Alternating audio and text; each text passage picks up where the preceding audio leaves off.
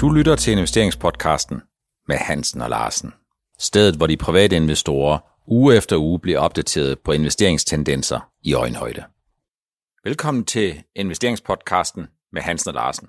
Vi befinder os stadigvæk i urolige coronatider, og derfor er det sådan, at jeg også i dag skal sige velkommen til Helge Larsen på distancen. Er du der, Helge?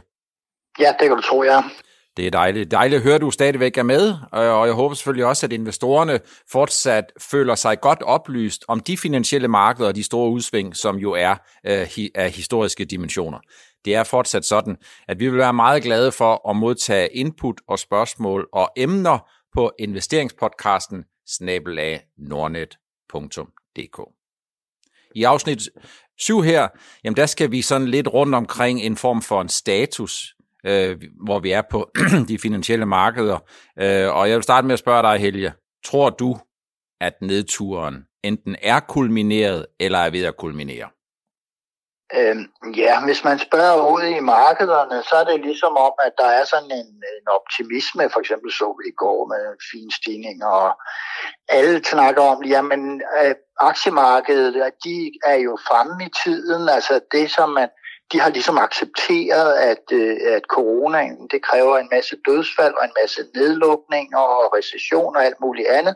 Men på den anden side skal det alt sammen blive godt, og så priser man ligesom aktierne efter det, og så siger, nå ja, men aktiemarkedet er altid foran, og det er en leading indicator. Og den har jeg tykket rigtig, rigtig meget på øh, her, i hvert fald inden for den sidste uges tid, fordi jeg tror faktisk, at tingene øh, på det økonomiske plan bliver meget værre, end man forestiller sig. Sådan umiddelbart alle dem, der sidder og prøver at sådan gisne om, hvor vi skal hen. Jeg tror virkelig, det kan blive rigtig, rigtig slemt, fordi hvad sker der, når der gradvist bliver åbnet op? Der tror jeg, at angsten og usikkerheden er så stor, at folk de holder rigtig, rigtig meget på deres penge, og det gør virksomhederne sådan set også. Og så har vi nogle brancher, som, som Øh, hvor der er mange ansatte i, øh, for eksempel inden for, for rejser, restauranter og alt det her, der tror jeg, at det kommer meget langsomt i gang, man regner med.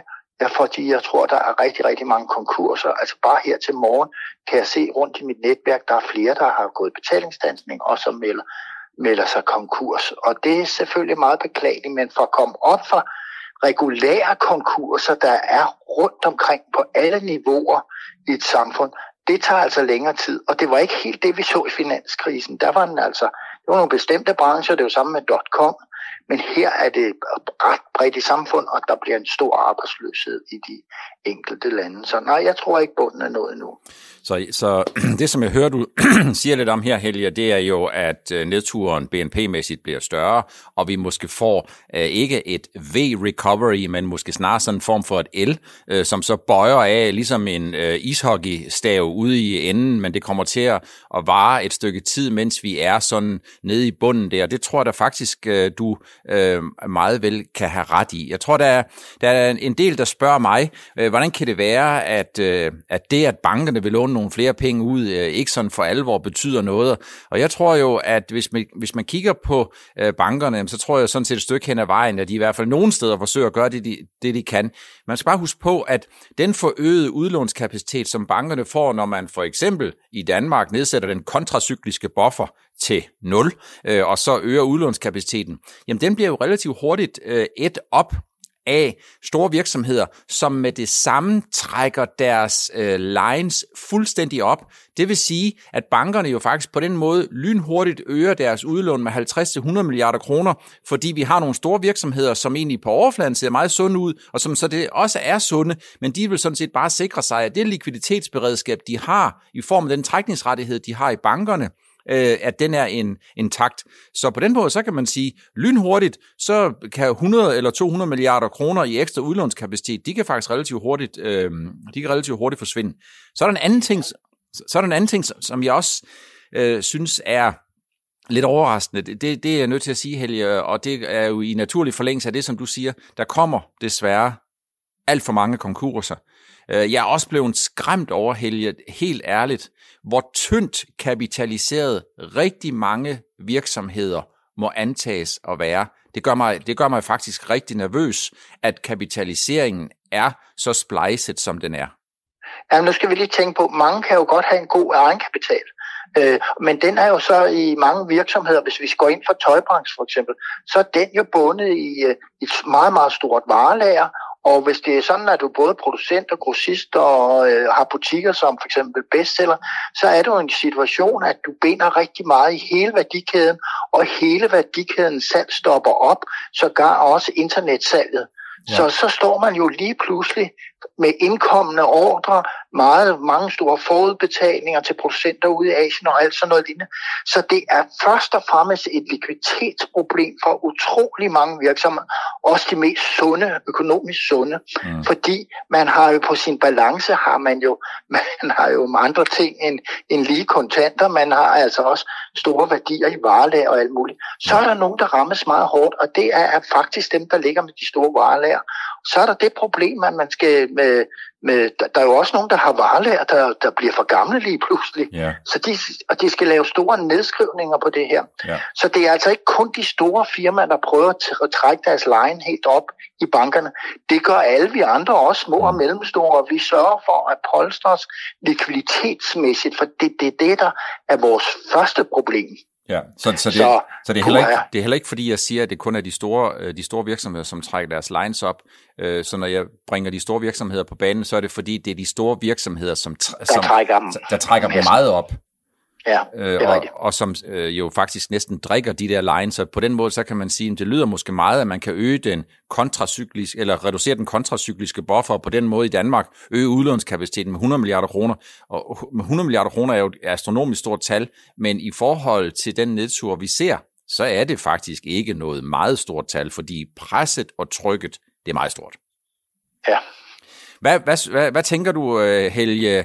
Hvad har gjort størst, størst indtryk på dig under det her? Hvad har det været det mest markante under den her nedtur, hvis vi sådan prøver at holde os til de finansielle markeder og finansielle størrelser, udsving osv. osv. osv.?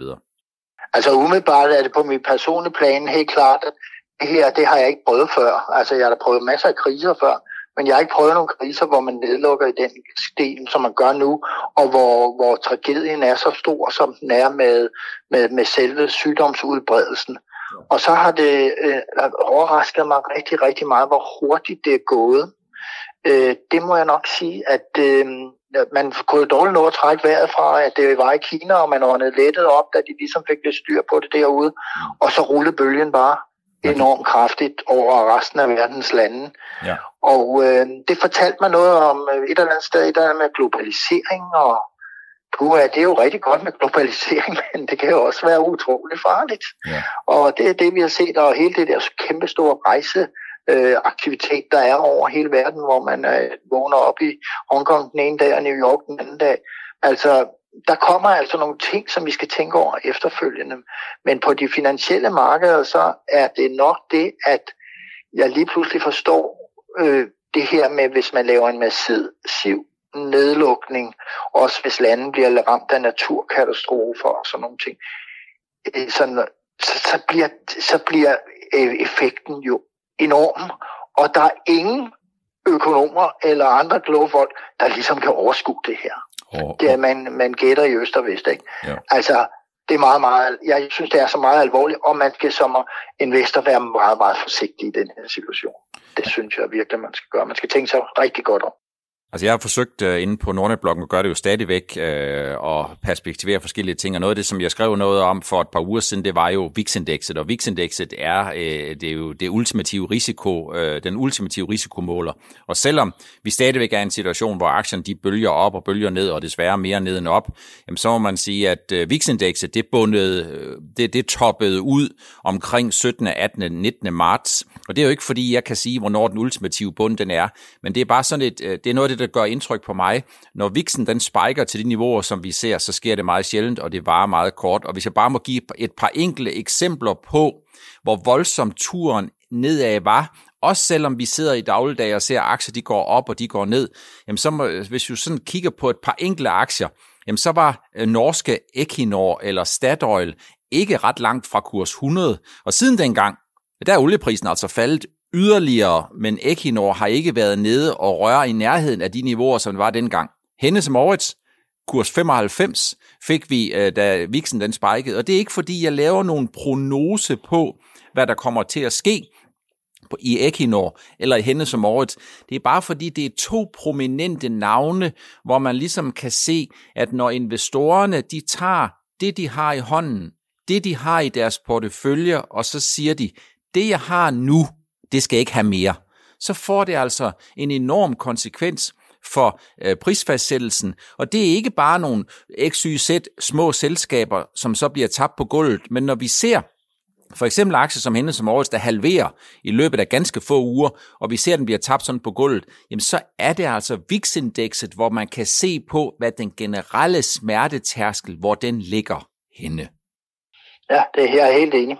Øh, VIX'en har vist forbedret sig en lille smule, men øh, øh, ja, nu må vi se, om der sker mere med den, om, den, ligesom, om vi skal bunde ud en ekstra gang. Ja, det har jeg sådan på fornemmelsen. Ja, man kan sige, at øh, VIX-indekset ligger stadigvæk øh, på den forkerte side af øh, 55-60 i det der niveau. Øh, så, så længe vi er der, så indikerer VIX-indekset igen, uden det er nogen garanti og uden det er nogen prognose, så indikerer den stadigvæk, at investorerne skal forberede sig på, at markederne kan gå 2,5% op og 4% ned, sådan bare inden for få timer eller få dage. Og vi er altså stadigvæk i en situation, hvor man forsøger for alvor at kvantificere, om den danske økonomi skal gå 3-10% ned, som den seneste nationalbankprognose, den siger i 2020, om vi kommer til at se et fald øh, i det amerikanske BNP øh, omregnet på kvartalsbasis, det skal man være en lille smule øh, opmærksom på, for nogle af de her tal de bliver meget voldsomme, når man ranger det her op, men et, et kvartals øh, BNP-fald på noget, der ligner 8-9% i anden kvartal alene, som annualiseret betyder cirka 34 procent, som Goldman Sachs de siger, det er meget, meget store tal, vi snakker om, og det viser jo meget om den her nedtur. Den er meget brutal, men det viser også, Helge, at den er meget koncentreret på ikke kun få kvartaler, men i virkeligheden på få uger. Ja, det er rigtigt. Det er det, vi har set er helt tydeligt. Hvis vi prøver at kigge på olieprisen, Helge, øh, oven i den her nedtur og corona og alle de her ting, jamen, så har vi jo stadigvæk, at russerne og sauderne, de, øh, de skændes indbyrdes, og så har de Donald Trump lidt på sidelinjen. Øh, olieprisen faldt to tredjedel. Øh, noget af det, som jeg synes, der er lidt interessant, det er meget, der er centreret omkring olieprisen, handler jo om spotprisen. Og hvis man kigger på forwardkurven, øh, den har jeg også skrevet en del om inde på øh, blog.nordnet.dk, jamen så er det jo sådan, at øh, olieprisen er jo her nu sådan 20, 21, 22 dollar, alt afhængig af, om man kigger på West Texas Intermediate, og om man kigger en mandag eller en onsdag, er den lige gået op eller gået ned, og Brent, som ligger et par dollar højere. Men kigger du på forward-kurven, så er den jo i fuld contango, som betyder, at den er normalt hældende, og det vil sige, at en øh, tynde råolie til levering om et år er cirka det dobbelte eller i nærheden af 40 dollar. Hvad siger det dig, Helge? Jamen det siger mig jo, at et, jamen, det er nok, at øh, oliebranchen kan godt være et spændende sted at investere i lige nu. Fordi det, som vi, vi hvis du investerer i et, øh, for eksempel Equinor eller Aker BP, så, er det jo, så investerer du jo i deres reserver. Ja. Og hvad er prisen på deres reserver om et år? Den er nok ikke 10 dollar. Altså, ja. Hvis vi kommer op på den anden side af corona og alt det her, og der er sauderne og russerne og amerikanerne på en eller anden måde får sat sig sammen, for det bliver de jo nødt til på et eller andet tidspunkt. Så det, vi investerer jo, og det kan man jo også se, det der skete med den her pæne stigning, som ikke når har for det seneste, og især i går, det er jo, at der går nogle, der går jo nogle store gutter ind og køber op i de her selskaber, fordi jamen, de køber jo ikke på, at øh, olieprisen øh, er ned mod de 20 dollar, og måske kommer helt ned mod 10 dollar i april, hvis, hvis hele den olieflom, som øh, saudierne har liggende klar, det bliver jo skyllet ud på en gang. Så det, der sker, det er jo, at øh, jamen, så kigger man jo på de selskaber, der er i branchen, og det er så dem, man, man, øh, man investerer i, og det gør man langsigtet. Og det var det, der tror jeg, der er sket de seneste par dage, at der er sket rebalanceringer, øh, hvor man er gået ind og sagt, at jamen, så er det jo nogle gode selskaber, der altid giver gode udbytter. Og kigger vi på det her sværdrupfelt, de har deroppe, jamen så tjener de faktisk også penge ved, ved den nuværende oliepris. Så øh, jamen det, det, er, det er sådan, jeg ser på det. Jeg kigger også langsigtet på, på hele det her. Jamen, der er knald ned på olieprisen. Jamen, fint nok, men det bliver den ikke ved. Den bliver ikke ved med at ligge dernede.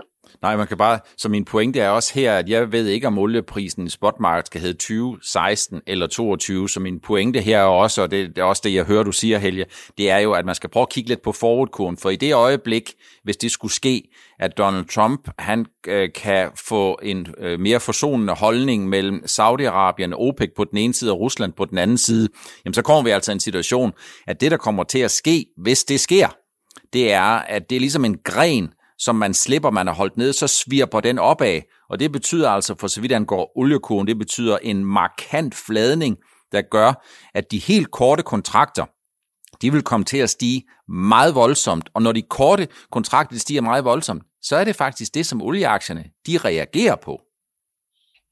Ja, det er det også, ja. Så du har vi har, vi har jo snakket en del, Helge, historisk om det her, og øh, når det er sådan, at oliepriserne de er lave, når det er sådan, at der er brug for øh, kapacitet til at gemme olien, så kan man jo gemme den, øh, jeg havde nær sagt, til lands, til vands og i luften. Det kan man ikke. Man kunne måske bruge nogle af, nogle af de fly, der står øh, parkeret nogle steder til at gemme noget i, men der kan nok ikke rigtig være noget i.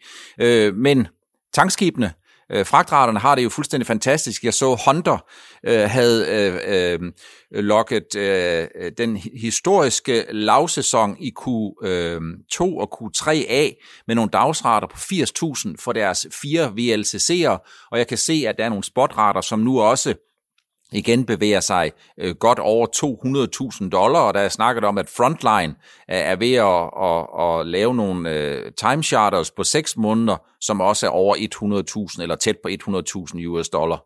Det er jo vel bagsiden af den nedtur, vi har set i olieprisen. Ja, det er også der, vi ser, at der er rigtig, rigtig mange, der søger hen, fordi hvor skal vi tjene nogle penge? I hvert fald dem, der er sådan lidt mere kortsigtet og spekulativt. Hvor skal vi tjene nogle penge nu? Jamen, vi skal da tjene penge på, at øh, der er masser, der charter øh, Øh, tankskib for at øh, øh, den billige olie, de køber, jamen den kan de lære det, og så kan de udnytte det, det spread, der er med den, for eksempel den her forvartpris, eller så kan de udnytte spreadet, der er med det, de køber den øh, til nu, og lære den til, det skal, de omkostninger skal selvfølgelig også lægges på, og så kan de sælge den dyre måske om et år, eller øh, sidst på året her øh, i 2020. Så det er det, vi ser, og det er utrolig spændende, og jeg må sige, at den lille beholdning, jeg har af det klarer sig jo rigtig, rigtig fint. Så øhm, ja, men det er jo så en af de få, kan du sige, investeringsmæssige lyspunkter, vi, vi har haft her i den senere tid. Ikke? Men øh, det, er, det er meget spændende. Det, det er sådan, det er. Og det viser jo sådan noget med markedskræfter, at jamen, de styrer sådan her. Og her har vi for en gang skyld noget, at vi kan fysisk. Det er ikke sådan, at man handler oliekontrakter, der, der er rene, så, rene papirer. Nej, det er sgu rigtig olie, vi, vi har med at gøre dengang. Ikke? Så ja, men det er meget spændende, og det, det, det kan gå, som det skal. Priserne stiger på, eller retterne bliver dyre dyre. Så altså, man kan sige, Helge, der, der sker vel det, at det er den relative afvejning, og det er jo 100 dollars spørgsmål, det er jo den relative afvejning af, om de rater, vi ser i dag, hvor længe de varer, og hvad der sker i tiden efter at verden skal begynde at åbne noget op. Fordi bagsiden af det her, det er jo, at hvis der produceres i omegnen af 100 millioner tønder om dagen, og der kun er købere til noget, der ligner 80-85 millioner, eller der er brug for og lager op til 20 millioner tønder hver eneste dag, så sker der jo det, at når vi kommer på den anden side af det her, så er der alt for meget olie i olielagerne, som på en eller anden måde skal distribueres, så det giver måske kortsigtet noget at sejle med, men på lidt længere sigt, jamen så bliver der vel et, øh, hvad skal man sige, et efterspørgselsvakuum. Gør der ikke? Jo, det gør der helt klart. Altså på den anden side af det her, øh, der er efterspørgselen jo næsten ikke eksisterende, vel? Fordi man bruger det, der ligger på lager. Så der skal altså ikke pumpes noget mere op eller noget som helst. Vel? Og, og et spørgsmål er, hvor meget der egentlig tab, øh, øh, skal sejles med til den tid. Ja, men man skal jo fragte noget fra det ene sted til det andet. Men hele den der overefterspørgsel, der kommer på olien normalt i, øh, og tankskibe normalt sidst øh, på året, altså i vinterhalvåret der, ja, det er ikke nok. Den, den naturlige kommer nok ikke så meget i det omfang, som den har gjort tidligere. Øh, dertil er der for meget, der ligger på, på rundt omkring af olie, som er lige lidt tilgængelig. Lakseaktierne, Helge, et ord om dem. De klarer sig jo faktisk rigtig godt. Øh, ja, øh, laksepriserne er gået lidt ned, og lakseaktierne er selvfølgelig også gået ned øh, på, i niveau med markedet, sådan cirka.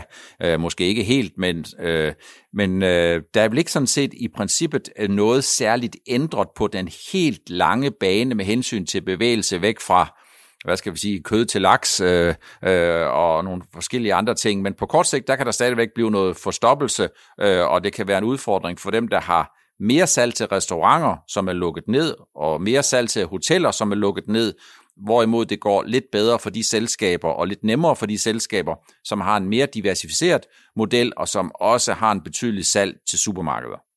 Ja, og så kan man sige, at det går jo lidt nemmere for dem, øh, for, for de nordmænd, øh, de norske selskaber, som øh, har gavn af, at valutaen er så svag deroppe.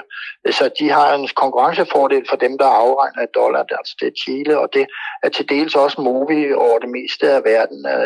Men altså, jeg vil sige, nu fik, fik jeg lige her til morgen de seneste tal ind, jamen altså, man har uge til uge, så har man steget i, i Italien nu her igen, og det er supermarkederne, der, der kører det op dernede, og, og man har Holland, ser man også stigning. Altså det europæiske marked, der er nogle lommer, og der, dem, dem får man solgt overudbuddet til, og det ryger så ud i dagligvarehandlen.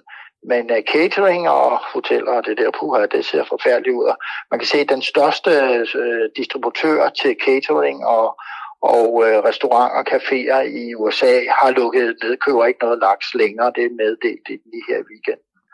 Så øh, ja, at, men det, det har altid været med laksesektoren. Det er gode købmænd, og laksen finder altid vej et eller andet sted ud til en tallerken hos forbrugeren på den ene eller anden måde. Det er ligegyldigt, om der er en bago i Kina eller Rusland. Mm. Ja, en eller anden grund, så havner laksen på tallerkenerne alligevel. Så det er, det er dejligt at se sådan en smidig forretningsgang, som de kan etablere deroppe. Hvis vi ser ind i, øh, vel sagtens, i krisens epicentrum de næste to til tre uger, når USA øh, skal se og få øh, muligheden for at kvantificere betydningen af den nedlukning, man kommer i, er det simpelthen, Helge, øh, bider du tænderne sammen, øh, og så må man bare se, øh, hvad, hvad der egentlig kommer til at ske? Ja, det er sådan, jeg tænker. Jeg tænker også, øh, en, altså, en sådan stor indlandskrise er jo nyt for, for amerikanerne i det her omfang. Øh, også rent deres sundhedssystem derovre kommer jo også til at stå en vældig prøve. Politisk kan der ske alle mulige øh, ting der øh, derovre. Trump øh, taber hans uden, eller hvad, hvad sker der, ikke? Øh, øh, tilslutningen til ham, den stiger vist, men, øh, men et eller andet sted, så tænker jeg, jamen amerikanerne, de har jo altid, som også under 2. verdenskrig, de har jo altid lige pludselig kunne skabe en fantastisk mobilisering af høj og lav og fattige og sort og hvid og alt muligt andet i deres samfund, øh, hvis de, der kommer sådan en kris af en eller anden slags. Og det kan godt være, det er det, der kommer til at ske. Nu får vi se. Øh, men forløb, så bløder mit hjerte med hele den problematik, de har med alle de ældre, der dør derovre. Det er forfærdeligt. Det er forfærdeligt at se på. Men øh, jeg også, ja. giver dig også ret i, Helge, at det er ikke alle amerikanerne, de gør, der er det rigtige, og det er ikke sikkert, at de altid er super godt organiseret. Til gengæld så arbejder de relativt agilt, og det vil så sige, at hvis man har mange bolde i luften på et tidspunkt, jamen så, så får man øh, øh, over tid, der får man altså skabt noget, som som virker. Øh, men her, sådan lige aktuelt her i starten af april måned, der ser det ud som om, at de er lidt forvirrede og lidt, lidt, lidt konfuse med hensyn til, hvad der kommer til at ske. Ja, det må man sige, det er det. Og det, det, det, det smitter jo sikkert også af på markederne, eller det ved jeg, det gør, ikke? Sådan som får den volatilitet, og vi får jo, bliver i tvivl om retningen, hver især, ikke? Så, så vi, øh, vi nærmer os afslutningen på syvende episode, øh, syvende samtale af investeringspodcasten med Hansen og Larsen. Øh, vi har været igennem øh, sådan noget som øh, VIX-indekset sandsynligvis øh, toppet ud lige på den anden side af medio marts. Øh, vi har også berørt, at de kommende to til tre uger øh, øh, nationaløkonomisk nok bliver de tungeste at komme igennem i 2020. Øh, og vi er nok også lidt nervøs, hvis jeg hører det, som du siger, og hvis jeg skal oversætte øh, min, egne, min egen holdning, øh, Helge, så er jeg lidt øh, nervøs for, at vi kommer til at få en mere L-shaped recovery, altså sådan et L, i stedet for, for det her V, fordi der kan sagtens komme til at ske det, at genomretningen, den kommer til at tage noget længere tid. Ja, helt enig. Så det er så, stadigvæk sådan. Det er meget velkommen til øh, at sende øh, spørgsmål øh, og nye emner ind til os på, og adressen er fortsat investeringspodcasten snabelag nordnet.dk. Tak for i dag. Du lyttede til investeringspodcasten med Hansen og Larsen. Vi ses igen i næste uge.